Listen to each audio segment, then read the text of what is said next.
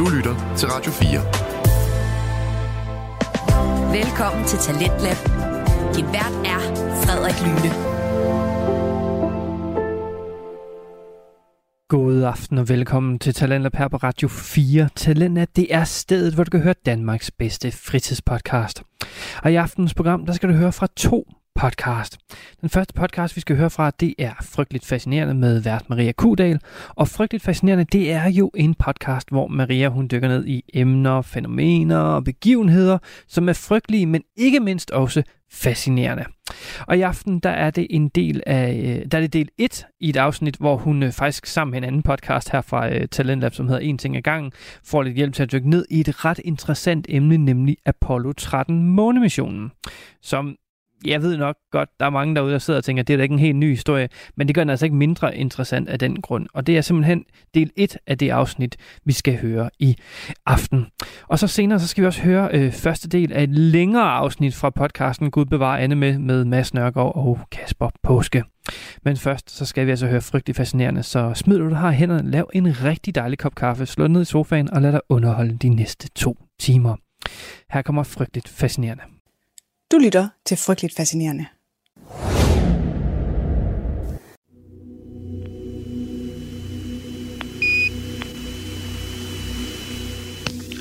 Apollo Control Houston, uh, 55 hours 7 minutes. We now show Apollo 13 at 176,598 nautical miles. Uh, Roger, Houston. What we plan to do for you today is turn out in the uh, spaceship or uh, Odyssey Det der, det er Jim Lovell. Han er kaptajn på Apollo 13. Den syvende bemandede mission i det amerikanske Apollo-rumprogram. Vi skriver april 1970, og for bare ni måneder siden skrev Neil Armstrong historie, da han gik på månens overflade for første gang nogensinde. Og nu Jim Lovell og en lille besætning med Jack Swigert og Fred Hayes i rummet for at gøre den kunsten efter. De er på vej mod månen i deres lille raket. Og snart skal de selv ud og opleve det, som Armstrong og Buzz Aldrin oplevede for få måneder siden. Eller det er i hvert fald det, de regner med lige nu. Men de tager fejl, for de har ikke kurs mod månen. De har direkte kurs mod en katastrofe. Om ganske få minutter, så kan du høre i real time over radioen, hvordan de bliver hovedpersoner i en af NASA's største nødsituationer. That's a great picture, Jim. Uh, you got the light just right the picture's coming through real good, and uh, your description is good. We see uh, Jim's got the camera oriented uh, the way we like to look at it. For vores tre astronauter er, udover at de er på den syvende bemandede mission i det amerikanske Apollo-program, så er de også på den første mission med direkte transmission af levende billeder ned til jorden. Det er det, du kan høre dem tale om i klippet. Du er ved at få en room tour, transmitteret fra en rumraket. And uh, you can see I'm weighing myself right now, and uh, på videoens grynede billede kan man se knapper og udstyr, og astronauterne fortæller om deres hverdag og hvor let de bevæger sig rundt uden tyngdekraft. Den slags. De har været i rummet i 55 timer og er 320.000 km fra jorden. Og før de afslutter deres lille livestream, så har NASA en lille bitte sidste ting, de gerne lige vil have klaret inden radiotavshed. De skal lige have lavet det, der hedder et cryostir. En vedligeholdelsesprocedure af oxygentankene. Ren procedure. Normalt. Men den her gang, så går det ikke, som det plejer. Og det er en akut opstået fejl, der om lidt sender Apollo 13 på koalitionskurs med katastrofe. Okay, Houston, we've had a problem here. This is Houston. Say again, please. Uh, Houston, we've had a problem. Velkommen til det her afsnit af Frygteligt Fascinerende, hvor vi dykker ned i historien om Apollo 13 i samarbejde med gutterne fra En Ting ad gangen. Frygteligt Fascinerende er en podcast om alt det frygtelige, som alligevel fascinerer os. Her nørder vi helt ned i detaljen i nogle af de mest opsigtsvækkende og uhyggelige fænomener og begivenheder i historien. Velkommen til. Egentlig så er det heldigt, at vi overhovedet står her med et afsnit sammen med gutterne fra En Ting ad gangen. For den allerførste gang, jeg møder dem, så snakker vi om at lave nogle afsnit sammen, og så gambler jeg helt vildt med vores relation. Sådan for alvor. For da vi vinker farvel ved toget, der går jeg ind og hører mit allerførste afsnit af En ting ad gangen. Nogensinde. Og Villas fra podcasten, han går ind og hører et af mine afsnit. Det om Challenger-ulykken. Og i det afsnit, der giver jeg alt muligt credit til en dum ingeniør i forbindelse med Challenger, og overser fuldstændig den dygtige fysikers rolle. Ups. Heldigvis tilgav Vilas mig, og jeg har lovet bod og bedring. Så det her, det er ikke engang første gang, jeg samarbejder med gutterne. Det har jeg gjort flere gange før. Vi har talt om Tjernobyl og taldomid, og det er også rigtig spændende. Det kan du finde, hvis du dykker ned i feedet, og høre efter det her, hvis du har lyst. Men i dag så skal det handle om noget lidt andet. Det skal handle om rummet. Og det er måske næst mest kendte rumcitat i verden efter Scotty Beam Me Up. Det er virkelig guld for en podcaster med den slags lydfiler. Som katteurt, ikke til at holde sig fra. Derfor smed jeg det også op i introen. Ikke noget med at gemme det bedste til sidst her. Nixon, frem i starten med det. Og jeg har glædet mig til dagens afsnit. Og det har jeg selvfølgelig, fordi det gør jeg, til når jeg skal lave podcast. Men særligt så har jeg glædet mig til de afsnit, jeg laver sammen med kloge science-gutter. Fordi så tager de alt det svære, det tekniske, så jeg ikke behøver at bøvle med det. Jeg kan bare nøjes med historien. Som jo, ja, let's face it, er det, som jeg synes er aller sjovest. Men i dag, der skal vi begynde med begyndelsen. Og derfor skal vi, som vi ofte gør her på podcasten, spole tiden lidt tilbage. For at forstå, hvordan vores tre astronauter ender på Apollo 13-missionen. Og jeg har lavet mit første nedslag i 1958. Her er Jim Lovell netop blevet inviteret til et møde. Og det er sådan et lidt atypisk møde, for på det her tidspunkt der er Jim Lovell netop blevet færdig på militærpilotskolen. I øvrigt med glimrende resultater, og nu er han altså blevet inviteret til et møde, som han ikke må fortælle nogen om, og hvor han skal møde op i jakkesæt og ikke i sin uniform. Og det har alt sammen noget med Sovjetunionen at gøre. For på det her tidspunkt, der har Sovjetunionen netop lanceret deres Sputnik-satellit. Og den fiser rundt op i rummet. Og det skal USA ikke som sådan bede om. At Sovjet er teknologisk foran dem.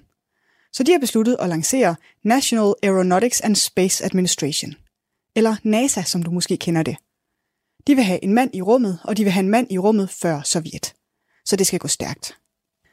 Og opgaven med det er, som du nok kan forestille dig, enorm. For at få en mand i rummet, så skal de en masse ting. De skal rent faktisk bygge en form for rumfartøj, og så skal de finde nogle folk, som er villige til at sætte sig op i det rumfartøj og tage en tur ud i rummet. Yes, de kalder dem astronauter, eller stjernesejlere, og NASA har arbejdet på en liste. En ønskeseddel, kan man sige, med alle de kvaliteter, egenskaber og kompetencer, som en god stjernesejlende astronaut skal have. Og den har de sendt til hæren og til flåden, og så har hæren og flåden sendt en liste tilbage med folk, som de tænker er kvalificerede. Og på den liste, der står Jim Lovells navn. Og det er derfor, han er inviteret til det her mystiske, hemmelige møde.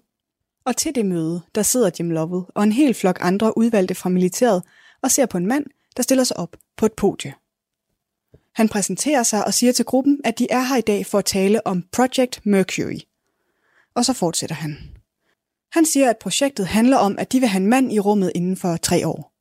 Og den måde, som de har tænkt sig at gøre det på, det er ved at bygge en slags kapsel, og så putte en mand ind i den kapsel, og så vil de sætte kapslen oven på noget, de kalder en Atlas Booster. Og det er en ret pæn måde at beskrive det, som i korte træk faktisk bare er et ballistisk missil på. Og så vil de simpelthen skyde kapsel og missil ud i rummet. Og nu håber de altså, at nogle af dem, der er i rummet i dag, kommer til at blive de første til at være den mand, der er inde i kapslen på toppen af det missil.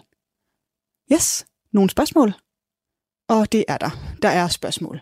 For eksempel fra en, som har fulgt udviklingen af de der Atlas boostere. Han spørger forsigtigt, men øh, er det ikke rigtigt, at de der booster ret jævnligt eksploderer på affyringsrampen, før de overhovedet er lettet? Og til det er svaret bare, jo, det er godt nok sket, men det arbejder vi på. En anden spørger, er der bygget en prototype på den kapsel? Og til det er svaret, nej, nah, men vi har nogle tegninger. En tredje spørger, hvad sker der, hvis de raketter ikke virker? Og til det er svaret, det er jo netop derfor, vi skal bruge nogle testpiloter. For sådan er det med rumprogrammet. Det kan man sagtens forestille sig. Her i 1958, der virker ideen mildt sagt vanvittig. Og man kan ligesom også godt forestille sig de rekrutteringsvanskeligheder, der kan være ved at overbevise folk om, at det er en god og sikker idé at være ombord på den første rumraket, som ikke engang er bygget endnu. Det heldige ved, når man har med militærfolk at gøre, det er, at de er en del modigere end de fleste andre. Og de er typisk heller ikke typerne, der lader en mulighed for at være de første til at gøre noget farligt, men heder og ærefyldt gå fra sig. Så hvad der for mig er ret overraskende, så melder stort set alle for mødet sig ind i rumprogrammet. Og så skal de testes. For alt muligt. Hjerte, kredsløb, vejrtrækning, kropslig respons til stress, iltmangel, hyperventilation, alt muligt. Og i den test, der finder lægen ud af, at James Lovell, vores mand, han har en smule for meget af et bestemt leverpigment, og selvom det kan virke lidt arbitrært, så betyder det altså, at han bliver valgt fra. NASA vil ikke have ham, og han bliver sendt hjem. Der går nogle måneder, og så kan han sidde og se i tv, at NASA præsenterer sit første hold på syv astronauter. Og i kølvandet på det over de næste tre år, at NASA oplever succes efter succes. Første 15 minutters raketflyvning, første amerikaner i rummet, første orbit om jorden. Men så i 1962 ser han endelig en ny mulighed. NASA vil gerne have flere astronauter i deres rumprogram. Så Lovell søger igen, og den her gang så kommer han igennem nåleøjet. Rumprogrammet er en del af det intense rumkapløb mellem USA og Sovjetunionen, som for alvor starter i slutningen af 1950'erne. Og jeg har taget et par af kapløbets vigtigste milepæle med her, bare for at give lidt overblik, historisk kontekst over, hvad det er, Apollo 13 skriver sig ind i. Det første punkt er Sputnik 1. Den 4. oktober 1957 sender Sovjetunionen Sputnik 1, verdens første kunstige satellit, i kredsløb om jorden. Det bliver set som en stor teknologisk triumf for Sovjetunionen, og det udløser både frygt og bekymring i USA og potentialet for sovjetisk dominans i rummet. Mit næste nedslag er Gagarin og Shepard. Den 12. april 1951 bliver den sovjetiske kosmonaut Yuri Gagarin den første mand i rummet, da han napper et kredsløb om jorden ombord på Vostok 1.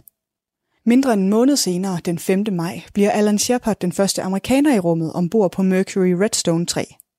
Mit tredje nedslag er Kennedys måneudfordring. Den 25. maj 1961 annoncerer præsident John F. Kennedy i sin berømte tale sit mål om at sende en amerikansk astronaut til månen inden udgangen af 1960'erne. Det bliver kendt som Kennedys måneudfordring og en af de mest ambitiøse målsætninger i rumforskningens historie. Og efter det kommer mit fjerde nedslag, lanceringen af Apollo-programmet. Fordi USA's tilgang til den her udfordring, måneudfordringen, det er at oprette Apollo-programmet, som har til formål at lande mennesker på månens overflade og bringe dem sikkert tilbage til jorden. Gennem en række bemandede og ubemandede rummissioner arbejder NASA sig hen mod månelandingen. Måneprojektet. Som også bliver mit femte nedslag, måneprojektet.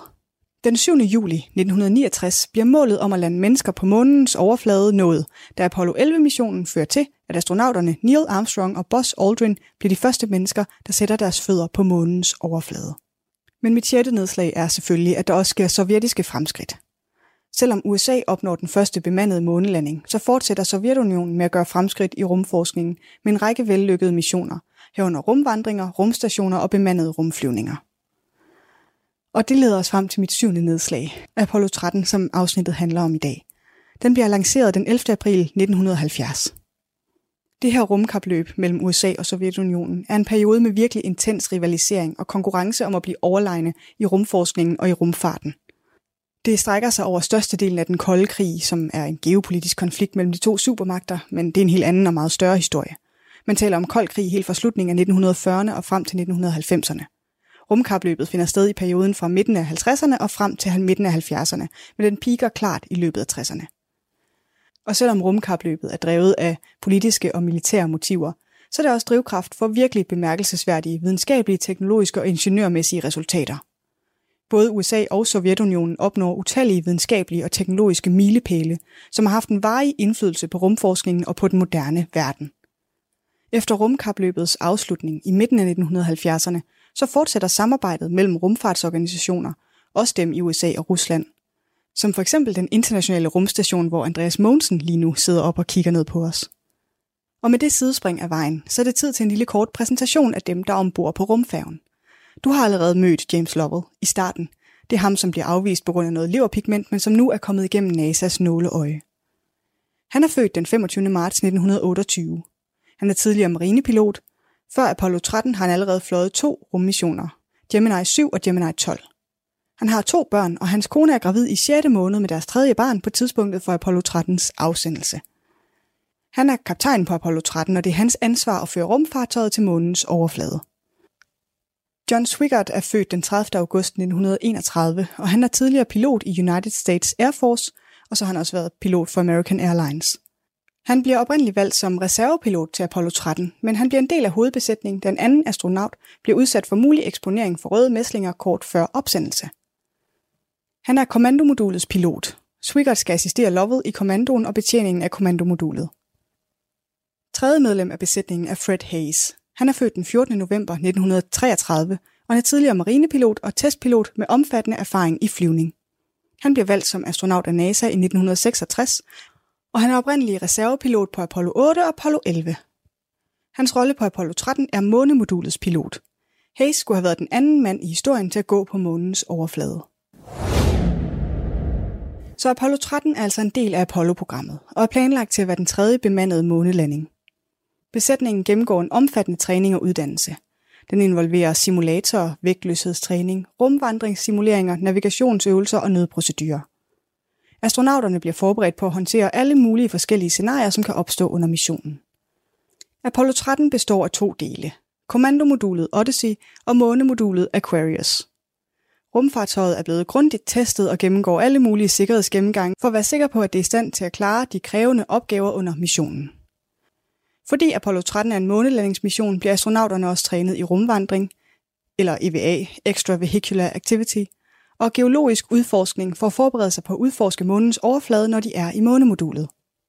Apollo 13's rute er planlagt, så den skal passere månen og komme ind i en bane omkring månen for at forberede sig på månelandingen. Det er også planlagt, at astronauterne skal udføre en række videnskabelige observationer og fotografier af månens overflade undervejs. Den 11. april 1970 bliver Apollo 13-missionen lanceret fra Kennedy Space Center i Florida. Lanceringen af Saturn V-raketten, der bærer Apollo 13-rumfartøjet, er vellykket, og rumfartøjet begynder sin rejse mod månen. De første to dage på rumrejsen forløber uden de store problemer. Astronauterne gennemfører de nødvendige procedurer, inklusive kursjusteringer, og glæder sig ellers bare til at nå månen. De arbejder sammen om de daglige opgaver og kontrol af rumfartøjets systemer og gennemførelse af videnskabelige eksperimenter og observationer. De forbereder sig på det forestående møde med månen, hvor de skal udføre en planlagt kredsløbsændring for at gøre klar til landingen. Stemningen ombord er forventningsfuld og optimistisk. Missionen går efter planen og har potentiale til at blive en stor succes. Men undervejs, der sker der noget. Og det noget har en lidt teknisk karakter. Noget, som vi dybest set er bedre tjent med, at en fysiker fortæller lidt om. Og derfor er det jo heldigt for dig, at jeg har inviteret en fysiker med i dagens afsnit. Det er Villas fra podcasten En ting ad gangen, som her kommer til at fortælle dig om, hvad det er, der sker ombord på Apollo 13 på vej mod månen. Men så går det galt. Det går grueligt galt, fordi at øh, 56 timer efter opsendelsen, og efter en, som du siger, vellykket opsendelse, de er på vej mod månen, som du har ikke nok fortalt det, så laver de det, der hedder et cryo-stir øh, som er, at øh, så øh, nogle, nogle af de ting, de har med på, på missionen, udover at de selvfølgelig har fået brændt en masse brændstof af under opsendelsen, så har de også noget flydende oxygen med. Flydende oxygen, det er øh, oxygen, som vi normalt kender det fra luften, altså det vi kalder ilt. Det er jo en gas normalt, men du kan godt få rigtig meget af den her gas samlet på et meget lille område, hvis du køler den ned, så det er meget, meget koldt, og har den, har den inde i en trykkammer ting. Og det her flydende oxygen, det bruger du blandt andet til, at det er en smart måde at opbevare ilt på, når du nu skal have ilt og trække vejret. Så kunne du jo presse det sammen, så du kan have meget af det på lidt, lidt plads. Og så kan du også bruge ilten til at producere strøm med. Øh, med sådan nogle brændselsceller, som, øh, hvor du har noget hydrogen og noget ilt, og så kan du lave, så ved hjælp af noget af brændselsceller, der kan du lave noget strøm. Mm. Øh, så og det, det, de gør, det er, at de nogle gange skal de tjekke, hvordan ser de her tanker ud. De sidder hele tiden og tjekker, hvor meget oxygen har vi, hvor meget det har vi, hvor meget det har vi, for at sørge for alt det, som skal være. Og så laver man det, der hedder cryo stir, altså et kryo, øh, hvad hedder det, omrøring, hvor man basically har en lille propel, en fysisk propel, der sidder nede i bunden af den her oxygentank, og så drejer den lige rundt, og ligesom skaber nogle, nogle vivler i tilfælde af, at hvis det kan klumpe sammen, eller hvis, man, hvis det ikke ligger det rigtige steder, for at deres måleudstyr kan måle, hvor meget mængde der er i det. Fordi det er jo ikke ligesom at have en flydende tank vand, hvor du bare ligesom har sådan en bøje, der sidder og flyder og sådan noget. Det er lidt sværere at måle på, hvor meget flydende oxygen har du i din tank. Og det er ret rutine det her. De har lavet to af dem tidligere. Men da de laver det her tredje øh, omrøring i den her oxygensuppe, så øh, springer den luften fuldkommen. Altså, og, og springer nogle af panelerne af på siden af, øh, hvad hedder det, øh, den der hedder service-modulet. Raketten opbyggede mange dele, der gør forskellige ting. Command-modulet, øh, som er der, hvor de sidder, det er der, hvor de opererer. Og så er der servicemodulet, der er der en masse service-ressourcer, såsom ildtanke, hydrogen, brændstof og lidt andet. Right? Og der har de to ildtanke, og den ene, det ser bare sig et ordentligt, ordentligt bang. Og det er klart, at de er jo så langt ude i rummet, at det er ikke fordi lyden bevæger sig igennem luften, eller den manglende luft udenfor, men der går selvfølgelig vibrationer, og den, ild, og den, skulle, den, den luft, der er inde i raketten. Så de hører der kæmpe brag. Og så er det, så er det en god gamle Svigert, som så siger, Houston, we had a problem. Og siger, prøv at høre her, jeg kigger på beholdningen i oxygen tank 2, og den er 0. Og hvis jeg kigger på oxygentank 1, så falder den. Dik, dik, dik, dik, dik, dik, dik, dik, dik, og det går hurtigt. Og, den, og, og, og Houston tænker, at det kan ikke være rigtigt. Det må være en instrumentfejl. Og da han så kigger ud af vinduet, så siger han, prøv at høre her, der er oser, altså gas og ting, og jeg ved, jeg ved ikke hvad, ud af vindue 1. Der er hul i skibet, og hvad, hvad, hvad fanden gør I? Og så står vi ligesom der. Tre astronauter, en eksploderet oxygentank, et hul i skibet. Men før vi skal høre mere om vores tre astronauter, og hvad de nu stiller op her midt i rummet i et beskadiget rumfartøj, så skal vi lige have på plads, hvad det er, der egentlig går galt. Hvordan pokker springer en oxygentank på en NASA-raket bare sådan spontant i luften? Det viser sig at være nogle øh, ledninger, som var blottede. Og så den her propel begynder at ramme rundt, så nogle af de her ledninger, de begynder at rykke sig. Så kommer der en gnist. Gnist inde i flydende ilt, lige med katastrofe. Alt brænder, ting eksploderer. Det var årsagen til, at den kom, hvorfor, det, hvorfor den sprang i luften. Nogle ledninger, der ikke var tildækket. Så tænker man, nå, hvordan, hvordan, hvad, hvad, hvordan kan ledninger være frit fremme, eller sådan noget, what? Men den her kryotank, den oxygentank, er faktisk ikke oprindeligt lavet til Apollo 13. Den er fra Apollo 10. Ah, så den var skulle være brugt til Apollo 10-missionen, men blev taget ud på grund af nogle problemer. Og øh, det der basically sker, det er, at før, før den skal på Apollo 10-missionen, så taber de den. Og det tænker man, what? Ja, under flytningen. Og det er ikke mange, de taber den. De, de, de taber den sådan to inches. Den skal lige, lige duk, lige 4 cm, og så er folk sådan et, shit, shit, shit, shit. Hvad, hvad er der galt, hvad er der galt? Og så tænker jeg, vi kan ikke, vi kan ikke sætte den op på Apollo 10. Vi, vi ved ikke, hvad nu hvis der er et eller andet med den, og sådan noget, mm. ny tank. Så i mellemtiden laver de test på den, og den ser ud til at fungere okay. Hvor man alting er, de laver en, øh, en, en, en opvarmning, eller en afbrænding, kan man sige, hvor de varmer inden, inden maden op, eller hvad skal man sige, der hvor selve tanken er, for at brænde alt oxygenet af. Og der altså, formoder man, at de nok har brændt lige, der er lige lavet meget varme til. Så noget af det her insulerende materiale, som normalt sørger for at holde kulden inde, sådan så at øh, det ikke bliver varmt, det her flydende ilt, det har nok brændt lidt af, smeltet lidt, og det gør, at nogle af de her øh, ledninger, der har lagt bagved, er blevet blottet eller kommet ud, som gør, at de kan blive ramt af en propel og sådan noget, og lave ballade. Mm. Så grunden til, at den sprang i luften, var et, de kom til at tabe den, ville ikke have den med på af Apollo 10-missionen, og det så ud til at også have lavet nogle skader et andet sted, man ikke lige har set. To, når de laver en test, og de ikke kan få den tømt ordentligt, så laver de en afbrænding af tanken for at fjerne alt øh, ilten, og der har de nok brændt lidt for meget af, og så er der noget isolerende materiale, der er smeltet, som har givet anledning til at skade nogle ledninger. Det er grunden til, at tanken sprang i luften. Og så langt, så godt. Og selvom jeg godt ved, at det er noget af en cliffhanger, så er det der, hvor vi slutter dagens afsnit. Med en oxygentank, der er sprunget i luften ombord på Apollo 13, fordi man har brugt den tank som lidt en hoserløsning. Fordi man allerede har den på lager og tænker, den er sikkert fin. Okay, den har været lidt tabt, men herregud, what could go wrong? Her slutter afsnit 61 af Frygteligt Fascinerende allerede. Og du bliver nødt til at vente til næste uge, før du finder ud af, hvad der sker med vores astronauter.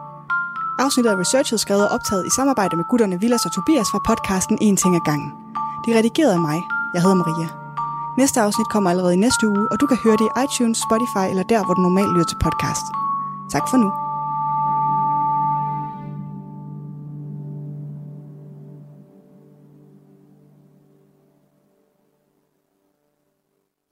I researchen til afsnittet har jeg brugt oplysninger fra Gutterne fra En ting ad gangen, Wikipedia, Historienet, bogen Apollo 13 af James Lovell og videnskab.dk. Du lytter til Radio 4.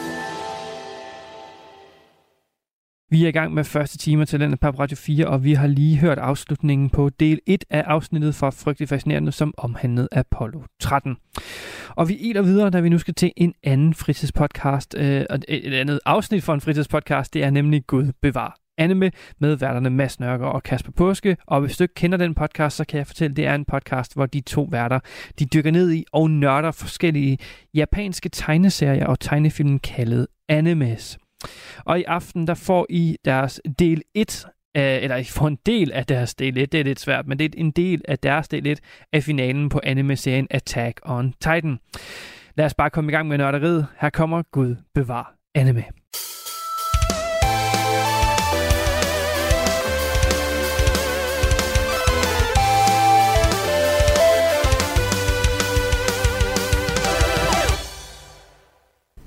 Hej, og velkommen til endnu en episode af Gud bevarende med faktisk det aller sidste, eller det aller sidste, Ej, det er ikke det sidste. Det aller sidste.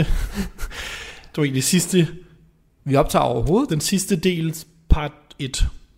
Vi snakker Attack on Titan, ikke? Ja, Attack on Titan. Godt. Jeg tror, jeg ved, om vi, stop, om vi stoppede podcasten nu, og vi var lidt nervøse, hvad vi gjorde. Hvorfor skulle vi gøre? Nu er vi jo on the rise. Ja, Jeg ved ikke med dig, Mads. Jeg er en af dem, det er rigtigt, vel? Men jeg har en eller anden idé om, at vores podcast faktisk klarer sig ret godt lige nu.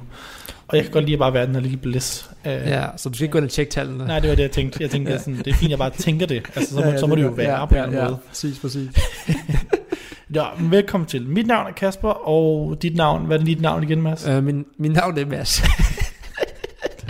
Yes, og I lytter til Gud på vejene med. ja, det gør jeg. Vi skal gennemgå det, som vi har kaldt afsnit 8 ud af 8 af Attack on Titan, men det er simpelthen bare den sidste del af Attack on Titan, der er udkommet på Indtil det videre. tidspunkt, vi optager det episode. Som er den øh, 3. oktober.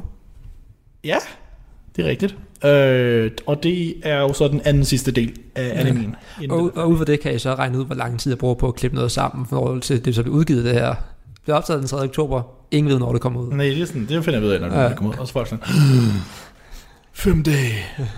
Slowpoke.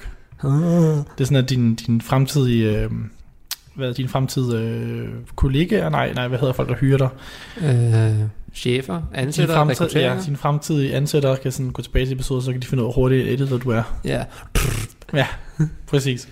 Anyway, dagens program kommer... Du har ikke mere til introduktionen? Nej, det har jeg ikke. Dagens program kommer til at hedde, at vi lige opsummerer den her første del og sidste del. Ja. Forvirrende, som det lyder. Og så har vi lige en lille te-drikkepause, og så har vi så vores indledende generelle tanker, kalder jeg det, og så har vi så Ja. plottet slash historien. Så snakker vi lidt om karaktererne, og lidt om animationen, lidt om skuespillet, lidt om musikken, og så har vi noget, der hedder generelt perspektiv, hvor vi lidt snakker om det hele, men mest af alt her, der følger jeg en masse temaer ind, som vi så snakker om. Må vi se, om den bliver fyldig denne gang, eller om den bliver lidt hurtigere denne gang, og så har vi så vores endelige tanker, inden vi går hen og rangerer alle arksene.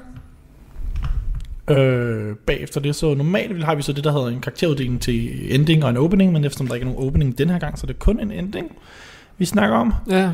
Uh, og så har vi så denne gang, fordi det jo er sidste gang, vi laver et episode. Vi kan, vi kan, det næste episode, sidste episode er jo udkommet, så vi kan ikke lave noget efterfølgende, før det udkommer til, til december, tror jeg det bliver. Så vi afrunder faktisk hele vores hele serien af Ja. ja. Attack on Titan her. Vi afrunder ikke sådan rigtig, rigtig, jeg tænker. Nej, vores, men bare sådan- Vores, når vores, hvad skal man sige, ligesom vi snakkede Yu-Gi-Oh! igennem sidst, Mhm. mm-hmm. det venter vi med til det sidste er kommet, vil jeg Jamen, det kan vi gøre chance. Ja, ja, men vi tænker, at vi lige vil lave en lille, en lille form for afrunding, inden vi ligger Ja. Attack on Titan på en hylde for en stund. Er det december, det kommer, ikke? Det er i hvert fald det, jeg ved. Ja. Men det, altså, de, de er aldrig til at regne med, så det, det er så honestly, de, de kunne december ændre den. 2025. De kunne, ja, de kunne ændre den i morgen eller noget. Der. What, Ja, ja. What, what do I know? Øhm, så hvis vi har tid, tager vi et spørgsmål. Ja. Og så har vi også lige en anbefaling. Men vi afrunder, og det, det spændende ved den her afrunding versus de andre afrundinger, vi har haft, bliver, at, øh, at Mads, som sidder over for mig, ja. han, skal, han, skal, han skal faktisk fortælle os, hvad vi skal se Næste gang. efterfølgende. Ja, det er meget spændende. Så jeg tror lidt, jeg ved, hvad det er. Men øh, Jeg Men- tror men godt, ja. du ved, at Yes. har snakket om det jeg, jeg før. tror faktisk, du sagde det til mig sådan literally for en time siden. Ja, Sådan meget indirekte. Men øhm, ja, det er dagens program. Lyder godt, Mads? Det lyder rigtig godt. Det er dejligt. Vi vil godt lade være med at klikke så fucking meget. Du er ret undskyld. Jamen, det er, sorry. Ja, ja, mi, mi, ja. Beklager. Øh, Jeg vil se, om jeg kan fjerne det. Hvis ikke, så har I fået øh, øregangsfnuller af at høre på Kasper sidde og klikke med sin fucking mus. Øh, Fordi jeg sad og tænkte, så jeg var sådan, du ved, jeg så det var sådan en, du ved, ligesom sådan en fidget spinner move, hvor man bare Så sådan, få dig en fidget spinner i stedet for, jeg gider ikke det der. det kan du også høre. Du ikke, altså, det er mindre end.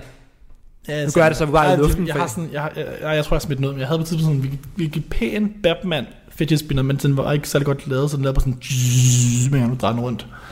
Jeg giver dig sådan en stressbold, du kan sidde og trykke i. Har du den røde der, eller smider du noget? Nej, jeg har den faktisk stadig. Godt, så sidder lige og trykker lidt ind i stedet for. Tryk lidt på den. Ja. Tryk lidt på bolden. Yes. Skal vi være med noget opsummering? Det synes jeg, vi skal. Alright. Så det er som sagt er første del af sidste del. Øhm, det der er en del, det er faktisk officielt en del af War for Paradis arket, sådan mm. ifølge mangaen. Men Ja. Hvorfor det ikke er sin egen del, det ved jeg ikke. Anyway. Vi starter ret hardcore ud med at følge en lille dreng, som sammen med sin lillebror forsøger at samle ind til en lysere fremtid, altså forsøger at samle penge ind, så de kan du ikke leve i fattigdom.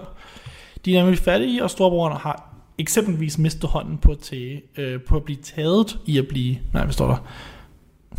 Taget jeg stjæle. Jamen, jeg har skrevet, mistet hånden på at tage, blive taget i teori.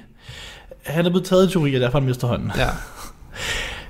Lige efter dette høres tunge fodtrin, og de to drenge når at se en væg af titaner komme gående mod dem. Vi ser panikken i den nærtliggende by, da, de, da hele byen indser, at de skal dø. Hele byen bliver tramlet ned, trumlet ned, og vi får lov til at blive hos drengen, vi startede ved i hans sidste øjeblikke, inden han bliver trumpet ihjel. Ja. Hans aller sidste syn er en lille lyshåret pige, som observerer ham, inden han forsvinder ved siden af sin døende bror. Så er vi i gang. Det er jo så Ymir, Ja. hvilket du godt ved. Aaron er i gang med sin udryddelse af resten af verden. Vores ragtag-gruppe af helte er i færd med at sejle til et sted, hvor de kan fylde benzin på flyet, de skal bruge til at nå Aaron. Meget af downtown, downtown, downtiden i dette, øh, ti, dette times lange episode bliver brugt på, at karaktererne snakker om, hvad der er sket, og hvad der sker med dem. De er alle i tvivl om, hvorfor Aaron gør, hvad han gør. Armin og Annie flytter på deres helt egen måde. Mikasa finder ud af, hvem hun er hvem hun er uden Aaron, hvilket vi ser igennem hendes halstørklæde. Levi øh, lærer at operere uden to af hans fingre, og Hanji forsøger at overleve vægten af at være en leder. Gabby forsøger at acceptere, at verden er døende, Falco kæmper med at forstå de kræfter, han har fået. Og det er ikke engang dem alle sammen. De ankommer til en port, hvor de kan fylde benzin på flyet, men det viser sig, at Flok har glidet hele vejen med dem i vandet. Inden han falder død om den, får han affyret nogle skud, som rammer flyets benzintank. Flyet lægger derfor, at det skal have, øh, og, det skal, og de skal have det forsejlet. Men inden de kommer så langt, hører de også fodtrinene fra væggen af titaner. De skal arbejde hurtigt. Og den eneste måde, de kan nå det på, er, at Hanji må blive tilbage og ofre sig selv ved at dræbe nogle af gigatitanerne, inden hun selv omkommer, via al varme, de titaner udpumper. Episoden slutter ved, at vores helte er kort op med Aaron og hopper ned mod ham og går i kamp. I kamp mode. Det er en time. Ja. Ja. Det klarer du faktisk meget hurtigt. Tak. Jeg så længere ud, da jeg kiggede dem. Jamen, jeg er også... Øh, det ved jeg ikke. Tak. Nu er det bare så lidt. Skal vi, øh, skal vi snakke om te? Skal vi snakke om noget te? Hvad for noget te har du øh, fået dig her? Jamen, jeg sidder jo her, men jeg tror faktisk, jeg har præcis den samme, som jeg havde sidst, hvor jeg virkelig godt kan lide den. Havde du... Jeg kan ikke huske, hvad sidst. Det er, brandet Celestial. Celestial. De har sådan en uh, Madagascar Vanilla, tror jeg, den hedder. Det lyder lækkert. Det er, det er meget sød, meget sådan hyggete. Jeg drikker mm. nogle gange om aftenen, for der er også lidt sleepiness i den, føler jeg. Helt sikkert. Så lad mig lige prøve at smage på den en gang. Den er dejlig. Den er, er anbefales. Dejligt, dejligt. Jeg prøver at putte lidt, øh, lidt rotation ind i det, så det ikke bare er puka Nej. dag ud dag ind. Og der må man sige, øh, der har den her, der er meget, den er meget vanille, den er meget sød. Det er næsten, altså, den er borderline i julete, så vanilleagtig Ja. er den. Men den er der ikke helt, for der er ikke sådan noget, der er ikke noget kanel i den. Så Jeg det synes, ikke jeg mangler noget cinnamon. Ja, jeg synes, jeg siger, det, det er der ikke i den, men den er meget sød, den er meget, hvad skal man sige, hjemlig, synes jeg. Mhm. Fordi jeg er også sådan, jeg har drukket rigtig meget fra før jeg flyttede ud. Altså, det, sikkert. det er sådan en, min far altid har stående, for eksempel. Ja, ja. Og den minder mig om at være hjemme, for eksempel, og Ja. det kan jeg meget godt lide. Er din far vild med te? Uh, as, as the average Joe, I suppose. Jeg siger average Joe. Ja, Altså, det er ikke, fordi han er te-connoisseur på nogen måde. Nej, men nej, han, nej. Han, drik- vi drikker da en kop i ny og næ. og Jeg sådan- føler, altså fordi, det er selvfølgelig almindeligt bare at have noget te stående, men jeg føler, at de fleste mennesker, som ikke går op i te, har bare te stående for andres menneskers skyld, og så har ja. de ikke sådan noget specielt te, det er bare sådan noget, du ved, kamille te, eller. Ja, ja. Eller noget Earl Grey, eller, eller andet. Altså, hvorimod, ja hvis en man lige har noget andet, grøn eller sådan noget. hvad for noget? En basic grøn eller sådan noget. Ja, ja. ja, hvis man har noget andet stående, så er det sådan lidt, fordi man, man i hvert fald tænker lidt på det, altså. Jo, jo. Men øh, morgente har da tit været en ting derhjemme og sådan noget, så Mm. det giver mening. Der er så drukket mest øh, drukket English breakfast, og jeg drikker morgente. Det er sådan hovedsageligt en morgente, jeg drikker. English breakfast. Det er også, du ved, det, det, det er som om, det, går, det indgår i navnet. Ja, det er ja. Det er en morgenmadste. Virkelig. Og så drikker man, bliver man sådan lidt, det bliver posh. Langsomt. Ja, ja, jeg, jeg, bliver, jeg, bliver, jeg bliver en større og større Tory, altså at drikke det. Lillefingeren begynder langsomt at bevæge sig fremad, Ja, ja, mens man gør det. Og jeg kan mærke, lige pludselig, så kan jeg kun stemme konservativt, når Ja, jeg drikker ja, den. ja. Og ikke andet for. ikke, og man, Jeg begynder at læse Berlingske ud af blå også. ja, så længe det ikke er sådan, du ved, the white man's burden, eller ude i, så, så tror jeg, det er bedre. Nej, men den er god, meget god. Hvad har du selv? Jeg har noget fra, øh, det er faktisk det meget dyre mærke, der, det, det der hedder AC Purge, te her. Ah. Øh, det er faktisk sådan en ret dyr te, men øh, den er lækker, jeg har ikke lige smagt den her før, men det er, Den dufter meget kraftigt. yes, det var en green, green lemon and ginger, tror jeg den hed. Jeg tror, den er lidt for varm til at jeg kan drikke den, men vi prøver også lige at hoppe ud i det. You're so brave. Den er meget varm. Jeg kunne kun smage noget ginger til sidst. Ja. Men øh, jeg tror, det er sådan en rigtig... Øh, du, du, du, du drikker ikke så meget for smagen. Det er mere sådan en øh, opvarmer-agtig noget. Altså, du, du, det er sådan en... Man, det er, sådan Det er varmt vand. Nej, mere bare sådan... Den her har så kraftig smag, at det ikke er noget, der er sådan lækkert per se. Det er mere sådan noget, du ved, det her det er... For eksempel, du ved, ligesom hvis du tager en mint eller sådan noget. Det er noget, der giver dig god ånden. Jeg glemte til min tøj, nu regner det. Nå. Vi, øh, vi er tilbage. Vi fik reddet Masses øh, tøj. Ja. Og den regn der, jeg synes, det ser så hyggeligt ud. Øhm, ja, Det er meget hyggeligt at sidde indenfor, når det regner.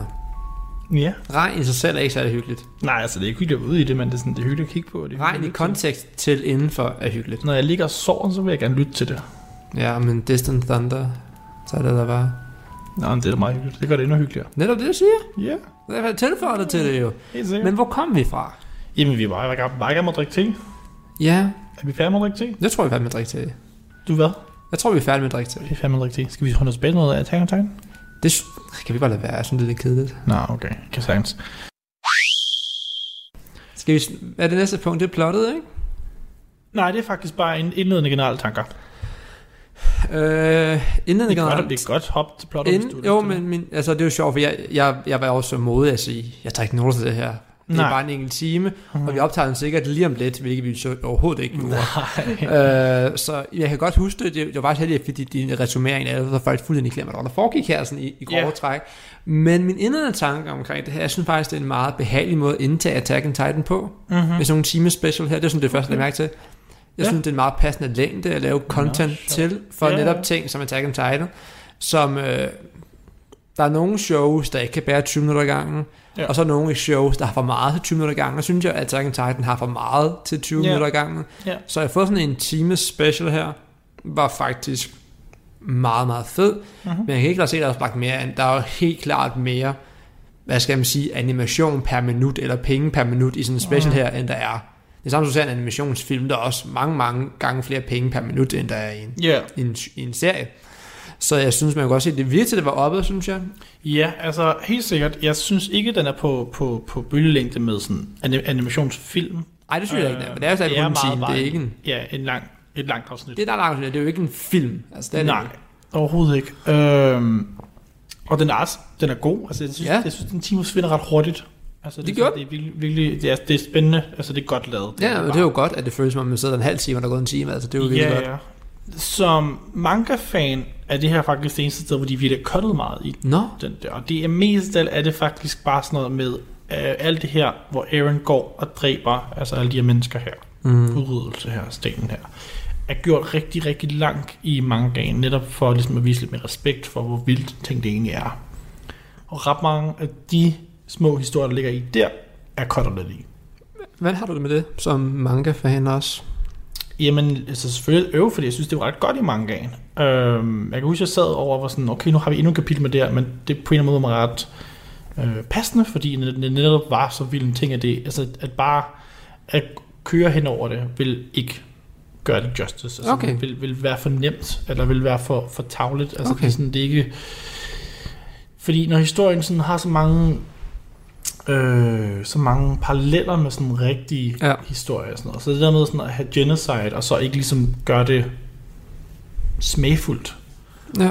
øh, forstå mig ret, i, i sådan, det er bare upassende.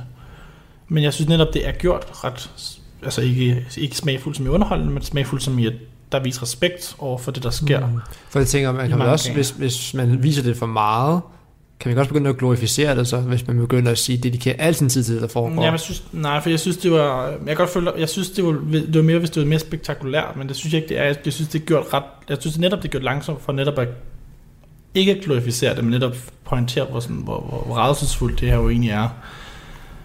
Øh, I stedet for bare at være sådan, selvfølgelig er der jo nogle ret chokerende images, der er det med babyen, når du løfter op, og, Oh, ja. og selvfølgelig er ham drengen, der, der, der, vi ser ham virkelig hans ansigt blive mast. Ja, det er rigtigt. Øhm, Det er en hård start. og også det der med, ved, når han så er færdig, så ligger der bare sådan en, en silhuet. Altså der ligger ikke engang noget lig, det er bare blevet helt mas- maskulalt. Ja. Um, rimelig dystert. Og jeg er også glad for, at jeg synes, sige, hvis man skulle cutte i det, så tag den del af det, og bruge den som starten er ret effektivt. Mm. Jeg kan ikke huske, om, for der er nemlig en del, hvor Aaron sidder og græder foran ham, drengen her. Jeg kan ikke huske, om de har cuttet den del. Det tror jeg faktisk, de har. Ja, for det mindes jeg ikke. Altså. Nej, jeg kan, for jeg kan ikke huske, om det var sidste gang. Jeg mener, de cuttede det, fordi det der er med det, det er også det, der, jeg synes var så, så smagfuldt, at en af det, der fungerer ret godt, er, at, og det er også noget, de mange gange, bruger ret lang tid på det her, men den del er også, bliver også brugt sammen med Aaron. Fordi der er faktisk et øjeblik, hvor han kigger på den lille dreng der, fordi han redder ham jo på et tidspunkt. Mm. Han gang er ved at blive tæsket, jeg mener sidste ark, men drengen er at blive tæsket, og så redder han ham. Og det er den samme dreng? Ja. Okay, det havde jeg ikke klokket Og han går igennem, igennem hele det. Det er det, vi ser det med, han bliver, han bliver taget i, i teori, og så mister Det er han rigtigt, for det det. er rigtigt, ja. Øhm, ja, den samme dreng. Og Okay. Aaron ser ham, og Aaron, det, det, det, er sådan et ret fint øjeblik, hvor Aaron ikke kan huske, altså han ligger mærke til drengen, og han ligger mærke til drengen, mere end han, øh, han bare vil et normalt dreng. Han kan se, at der er et eller andet, et eller andet fremtidsvision, han har set med en dreng her. Mm. Og så er han sådan, hvorfor er det, jeg har set en dreng her? Er det fordi, jeg redder ham? Er det fordi, jeg får lov til at være en held i hans øjne? Og så langsomt så går det så op på, nej, det er ikke fordi, det, det er fordi, han, det her dreng er endnu en, han dræber. Ja. Og så begynder han at græde foran ham, fordi altså det, det, det, det, der med, vi snakker om det der med, at hvorvidt Aaron ligesom er i, i kontrol af det, han gør, fordi han har vel nok valgt den her vej på en måde, men han er også, altså han er også selv chokeret over den her vej her. Um, vi Ja. får meget mere, at Det, det tror jeg ikke, at det bliver noget, vi tager i, i tematikken, tror jeg. Det er ikke lige, altså... Nej, men det er også bare for at kontere Ja. ting, de ligesom bliver cuttet, fordi helt klart noget af sådan Aarons indre monolog er ikke med i, øh, i, i, animen her. Og det, det er sjovt, det vil jeg faktisk gerne have. Jamen, Et andet altså, det sted. vil være motivation for, for at læse mange igen, men øhm, Jamen- jeg er ikke, når jeg og ser det, er det fordi jeg synes, jeg føler, at jeg mangler det, men, men det er sådan noget, jeg kan pege på mange af, hvor sådan, der har de cuttet. Altså det, ja. det der, der, er- fordi ellers de er faktisk ret gode til ikke at cutte ting, generelt set indtil videre, men, men det, den del er på cuttet. Ja, fordi det, det er sådan noget, som jeg synes, og det går på tværs af al historie nogensinde. Altså, det man har behov for, når man ser nogle folk gøre så rædselsfulde ting, som uh, Ellen gør, Mm. er, at man har brug for noget resonemang, hvis man kan sige på den måde. Ja, jeg tror, Man har brug for noget hvorfor, Mm. og at høre hans tanker, altså at forstå, det er derfor, jeg tror, at ting som true crime er så pisse fascinerende, det er at høre, hvordan, hvor, hvorfor folk, der kan forfærdelige ting, gør dem. Ja, ja øh, du nok stadig få det. Øhm, jeg tror bare, det bliver, det bliver mere sådan centreret. Det bliver mere sådan...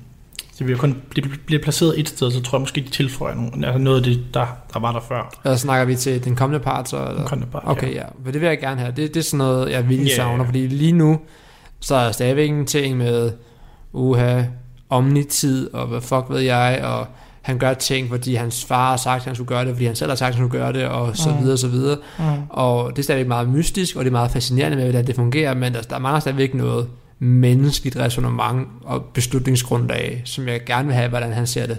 Ja, helt sikkert. Øh, jeg så bare lige for at afrunde det her indledende generelle tanker. Altså, ikke godt. Godt. Ja. Jeg kan huske, da jeg så den, fordi jeg kan huske, at jeg ikke rigtig var i the mood for Attack on Titan, når den udkom, men så var jeg sådan, fordi vi var bare skærmet at se det.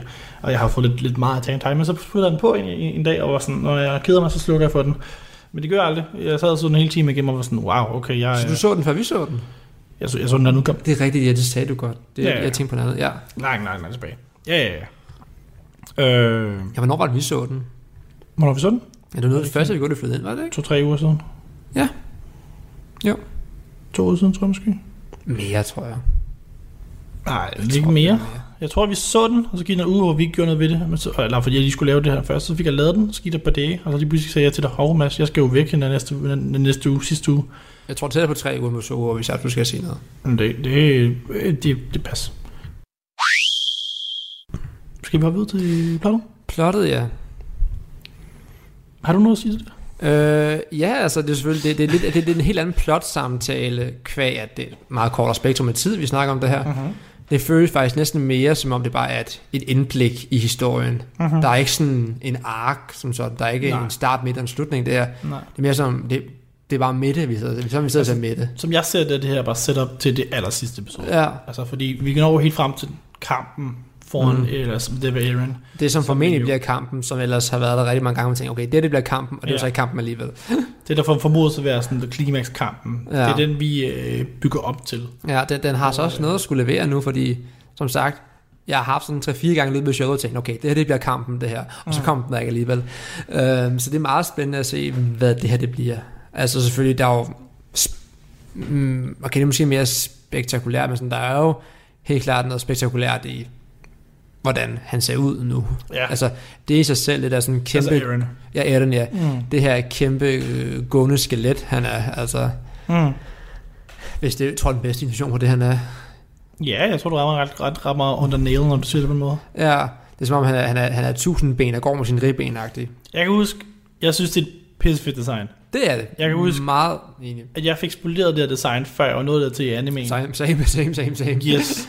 og jeg kan huske, da jeg så det, der blev jeg så excited for, hvad fuck det var. Ja. Og var helt sådan, oh my god, I gotta see what the fuck this is. Ja. Det eneste, der ødelægger det for mig, og det er ikke, fordi det ødelægger det, men jeg er sådan lidt, hvorfor har han gjort alt det? Det er de ører, han har. Og han har nogle alfører lige nu. Han har sådan nogle alfører lige. Ja. Og det er sådan, hvorfor det? Øh, Hvorfor skal han have 11 ører? Hvorfor ikke bare Det er jo- putte det er jo, ned foran? Øh, det er jo et callback til den måde, showet starter på, den her meget klassiske, næsten middelalderlignende tyske landsby, hvor ja. der er en masse folkeeventyr, der er opstået med. Der var mange elfer i og sådan noget. Jo. Okay. Det må være det. Det må da helt klart være det. Ja, jeg kan ikke forestille mig anden, anden grund Nej, hvorfor skulle der overhovedet. overhovedet være andet? Nej. Lidt et... Øh, Øh, hvad, hvad hedder forfatteren? han hedder... Jeg glemmer hans navn Øh, tiden. Isayama? Eller? Han, han synes, det var sejt Sikkert. i øjeblikket. Men øh, altså, der er også, han har også lavet The Beast Titan. Så det er jo lidt nogle spændende ting, jeg synes er seje. The Beast Titan.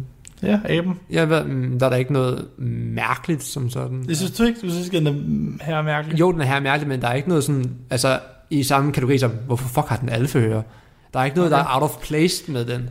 Jeg kan fortælle en lidt sjov historie til den der Beast Titan. Er, som, det er bare en teori, det er, men, men han, uh, Isayama har nævnt, at han har en hårfetish. Og det er derfor, folk spekulerer på, at det er derfor Beast Titan er en ting. Jamen, øh, det skal folk lov til at tænke på. Jeg vil nok beskæftige mig med noget andet. Ja. Øh, men folk skal være mere velkommen til at synes det, selvfølgelig. Øh, men, men hvad synes jeg plot? Jeg synes, altså plot er jo... Ja, jeg gentager mig selv, men det er meget sådan en situationsting, hvis man kigger. Det, det er jo ikke mere, altså... Jeg ved ikke engang, hvor meget real time den, er. den dækker over et par dage måske. Altså, det er ikke Jeg så tror lidt, det bare det på timer. Ja, altså der er ikke så meget.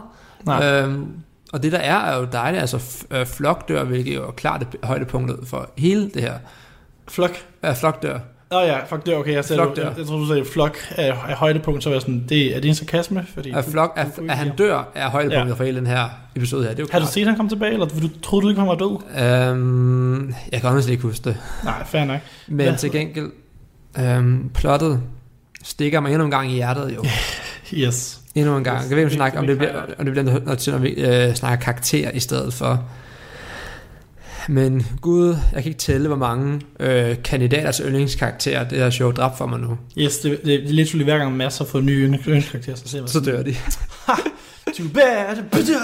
altså, hvem, altså, startede med Irvin, Ja, og så, og så Sasha, ja. og så Pixies. Altså, Pixies. og nu Hanji. Altså, hvor mange flere skal I tage fra mig? Ja, ja, der er stadig en del, vi kan... Er der nogle af de nye de karakterer, der ligesom kæmper mod Aaron, du rigtig godt kan lide? Jeg kan rigtig godt lide uh, Armin.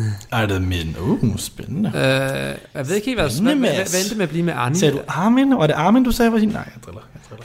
Uh, Armin er nok en af de tilbage, jeg godt kan lide. Jeg har også fået et softspot for, for Jean, eller Jean. Ja, ja, ham har jeg også lang tid godt kunne lide. Ja, uh, Fordi det er grund til, at man ikke kan lide ham, er fordi han starter i altså, opposition til Aaron, mm. men det er sådan lidt mere sådan en, en red herring, end det er andet, fordi... Nå ja, men det er, jo, det er jo sådan, det er jo mange gange, altså, det er jo en del af et main character symbol, at du skal vende fjender til venner, altså det har Ellen gjort med, Ja, det er selvfølgelig sandt, men Jean. man kan, jo så, man kan jo så snakke om, hvorvidt Gine og Aaron er venner. det tror jeg det er. Og det er det ikke lige nu her selvfølgelig, men det var de op til. Ja, det er de egen også, men det er meget sådan en love-hate relationship. Ja, ja. Øhm, Hvor at uh, Jean elsker Ellen og Ellen hader Jean. Det er den måde, det er love hate. Yes. Øhm, det jeg skulle til at sige om plottet historien var, at... Jo, det er meget sådan, fordi plottet, fordi jeg kan huske, at jeg skrev det, der var sådan, wow, okay, der sker literally ikke noget i det episode, det er lidt bare dem, der skal have, de skal benzin på flyet. Ja, de skal have en tank. Altså, det er det, det, de skal. Ja. Um, men den er ret god til ligesom at bygge atmosfære op, Mm. og, og stemning, Ja. så det hele føles ret dooming, altså ret meget sådan end of the world-ish. Jo, det, jo, bevares. Altså. Ja, så det er sådan, det, er ikke så, det, det gør ikke så meget, at der ikke skal meget plottet, fordi den har så travlt med alt det andet. Ja, det er, sådan, det, det, så- det føles meget som et setup, du ved. Mm-hmm. At der er så mange ting, vi sat i søen nu her, til Jo. hvad vi skal... Men også bare sådan, der rammer fokus på karaktererne, så du er ret investeret i deres historie. Så selvom der ikke sker så meget fysisk, så sker der ret meget for karaktererne. Ja, det, det, det vil jeg faktisk sige, at det det vil jeg, hvis du ikke har sagt det her nok, inden med at sige det selv, så ja. ja. Øhm, det føles, det er jo med, det er et, et udsnit af en større ting, vi ser her. Der er ikke, der er ikke et plotdrev her som sådan. Der er sådan en lille sidequest, der hedder få benzin på flyet, Ja. og det, det, det fylder nu, nu gestikulerer jeg meget lidt med mine fingre. Mm. Det fylder så meget af historien. Ja. Og resten bliver taget af, at vi får lov til at være sammen med vores karakterer. Mm. Og det er jo den belønning, du får ved at lave en serie, der er så langt inde nu her. Mm. Det er, nu kender vi vores karakterer så godt, Ja. så det faktum bare en quote at være sammen med dem, er fedt nok, der behøver ikke ske noget. Havde det her været sådan, de havde gjort det i starten af showet, havde det ikke fungeret. Nej. Men nu er vi så langt inde, og vi kender de karakterer så godt, og vi er så gode venner med dem, Ja. at deres selskab i sig selv er nok til, at vi gider se det. Ja, det er også... Det er vildt, altså, hvor vi er henne i forhold til... Altså, det sted, vi startede. Mm. Det er et helt andet sted nu. Ja. Det er bare en helt anden serie nu. Jeg håber stadig på, at Connie dør. Connie? Ja, Hvad mod Connie? fordi jeg synes, han er så fucking ligegyldig. Du er bare gerne mennesker, dø. Nej, jeg var sådan lidt, hvis jeg, hvis jeg, kunne, hvis jeg sådan kunne bytte, du ved, altså, Ja, offer men Connie for at få Hanji tilbage, så havde jeg gjort det. Mads Connie er den eneste, der overlever. Det mest ligegyldige skallepande. om? Han er ikke skaldet mere. Han, han, han er tæt på. Nej, han har hår. Har han hår nu? Han har mere hår, end han havde i starten. Nå, det kan jeg ikke huske. Det siger noget, hvad det her betyder. Ja. Øhm, ja. Ja, altså, det, det, var, det var godt. Altså, det fungerer. Teamen forsvinder. Har du mere til plot og historien? Nej. Skal vi hoppe over til karaktererne? Jo. Det er jo lidt the main Øh, ish her. jeg er meget spændt på, hvad, nu kan jeg slet ikke huske, hvad, hvad skete der med Annie til sidst? Hun forlod dem, ikke? Hun tager med båden sammen med hende der øh, asiaten og, øh, Nå ja. og Falco og Gabby. Mm. Der er en lille ting af mig, der formentlig håber på, at Annie ikke væk endnu.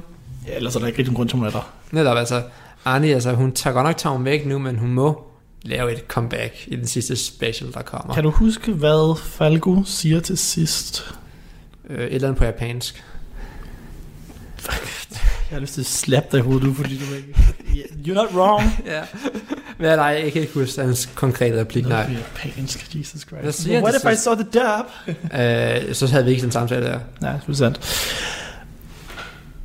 Øh, ja, det er noget med hans, hans tit- tit- Titan der jo, Ja. som godt kunne være et lille hint til, at der sker noget, der, der sker noget, som gør, at noget andet sker, som så gør noget tredje sker, som så gør noget fjerde sker, som så gør, at Annie joiner. ja. Anyway, øh, Han har the jaw, enough spoilers. Øh, jo, Det er Jordan, han har godt. yes. Og Annie har jo... Kan du huske, vi har jo set den. Ja, den ser, den ser meget spøjs ud i forhold til de andre. Der ligner en fugl. Jaws, ja, den har sådan en næb-lignende. Meget. Og, og, og vinger. Ja, også vinger, ja. Det, det, det er nok det mest fleksible Titan-design, vi har set. Altså, vi har også set sådan tre forskellige hatte, og har haft tre forskellige looks. Sandt. Ja, ja, den er, og Beast Titan er sådan de mest ikke normale menneskelignende. Jamen, altså, Beast er jo bare behåret og langere. Det er en Ja, ja. orangutang. Monkey. Monk. Monkey, yes. Øh, øh, men så Annie var meget spændt på, især fordi, at jeg kunne da godt ship lidt øh, Armin Annie, altså. Ja, men jeg, er og, og, og, hvor- hvor jeg, jeg går all in for, for lesbiske forhold. Det er... Øh... Joke. Øh, ah, men det, det der med det, er, altså, det, var, og det er det spændende, fordi det med, hvor meget af det, nu snakker vi igen fri vilje, og det er ikke en samtale, jeg er vild med at have, men ikke desto mindre, så synes jeg, det er meget spændende med, hvor meget af Armin kan lide Annie, og hvor meget af det er Bertholdt, der kan lide Ja, Annie. ja, helt sikkert. Og det er jo, det er jo meget sådan. Jeg, jeg vælger at tro på, at det er Armin, fordi jeg synes, det er mest satisfying som fan, at det er Armin selv, og det ikke bare er Berthold, der taler from beyond, der får ham til det her. Jeg synes, det er ret lækkert, den måde, de er sat op på, den måde, man er lidt i tvivl, netop på grund af de to ting også, fordi hvis du går tilbage til nogle af de første, første sæson, mm. så altså, kan man lægge mærke til, at Armin og Annie virker til at, at, at have hold, i hvert fald lidt øje for hinanden, hvor man Mm. tænker, det kunne godt være der. Ja. Der vil jeg blive skabt det andet. Altså fordi, at Armin er ret hurtig til at opfatte Annie som den onde der, men det virker altså lidt som, han ikke rigtig har lyst til at tro på det. Nej, altså han virker meget, hvad jeg kan huske, er det meget resistent over for tanken om, at hun skulle Ja. være. Øh, hvad fanden? Øh, men det er også bare, at det virker meget naturligt, at kvæg, at Annie har været nedfrosset, eller indehugget, eller hvad man skal kalde det, i fire år, fem år, hvor lang tid er det? Det er der på omkring, ikke? Fire-fem år? Jeg tror det er fem år. Fem år, ja. At hun er indkapsuleret, og sjovt nok ikke død i Nej. mellemtiden. Du lytter til Talentlab på Radio 4. Du lytter til Talenter på Radio 4, og jeg bryder så lige ind her, da vi snart skal til nyhederne her på Radio 4. Vi er i gang med at høre fritidspodcasten Gud bevar anime med Mads Nørgaard og Kasper Påske, som taler om finalen på anime-serien Attack on Titan. Men vi skal til at runde her på første time af Talenter på Radio 4, men vi er stærkt tilbage i time 2, hvor vi skal høre endnu mere fra det afsnit med Mads Nørgaard og Kasper Påske, og det er som sagt den her del 1, del af del 1 af Attack on Titan, men altså, det giver måske lidt mere mening øh, i, i Team 2, så hvor vi skal høre, ja, selvfølgelig resten af Gud bevar anime. Du har lyttet til en podcast fra Radio 4. Find flere episoder i vores app, eller der, hvor du lytter til podcast.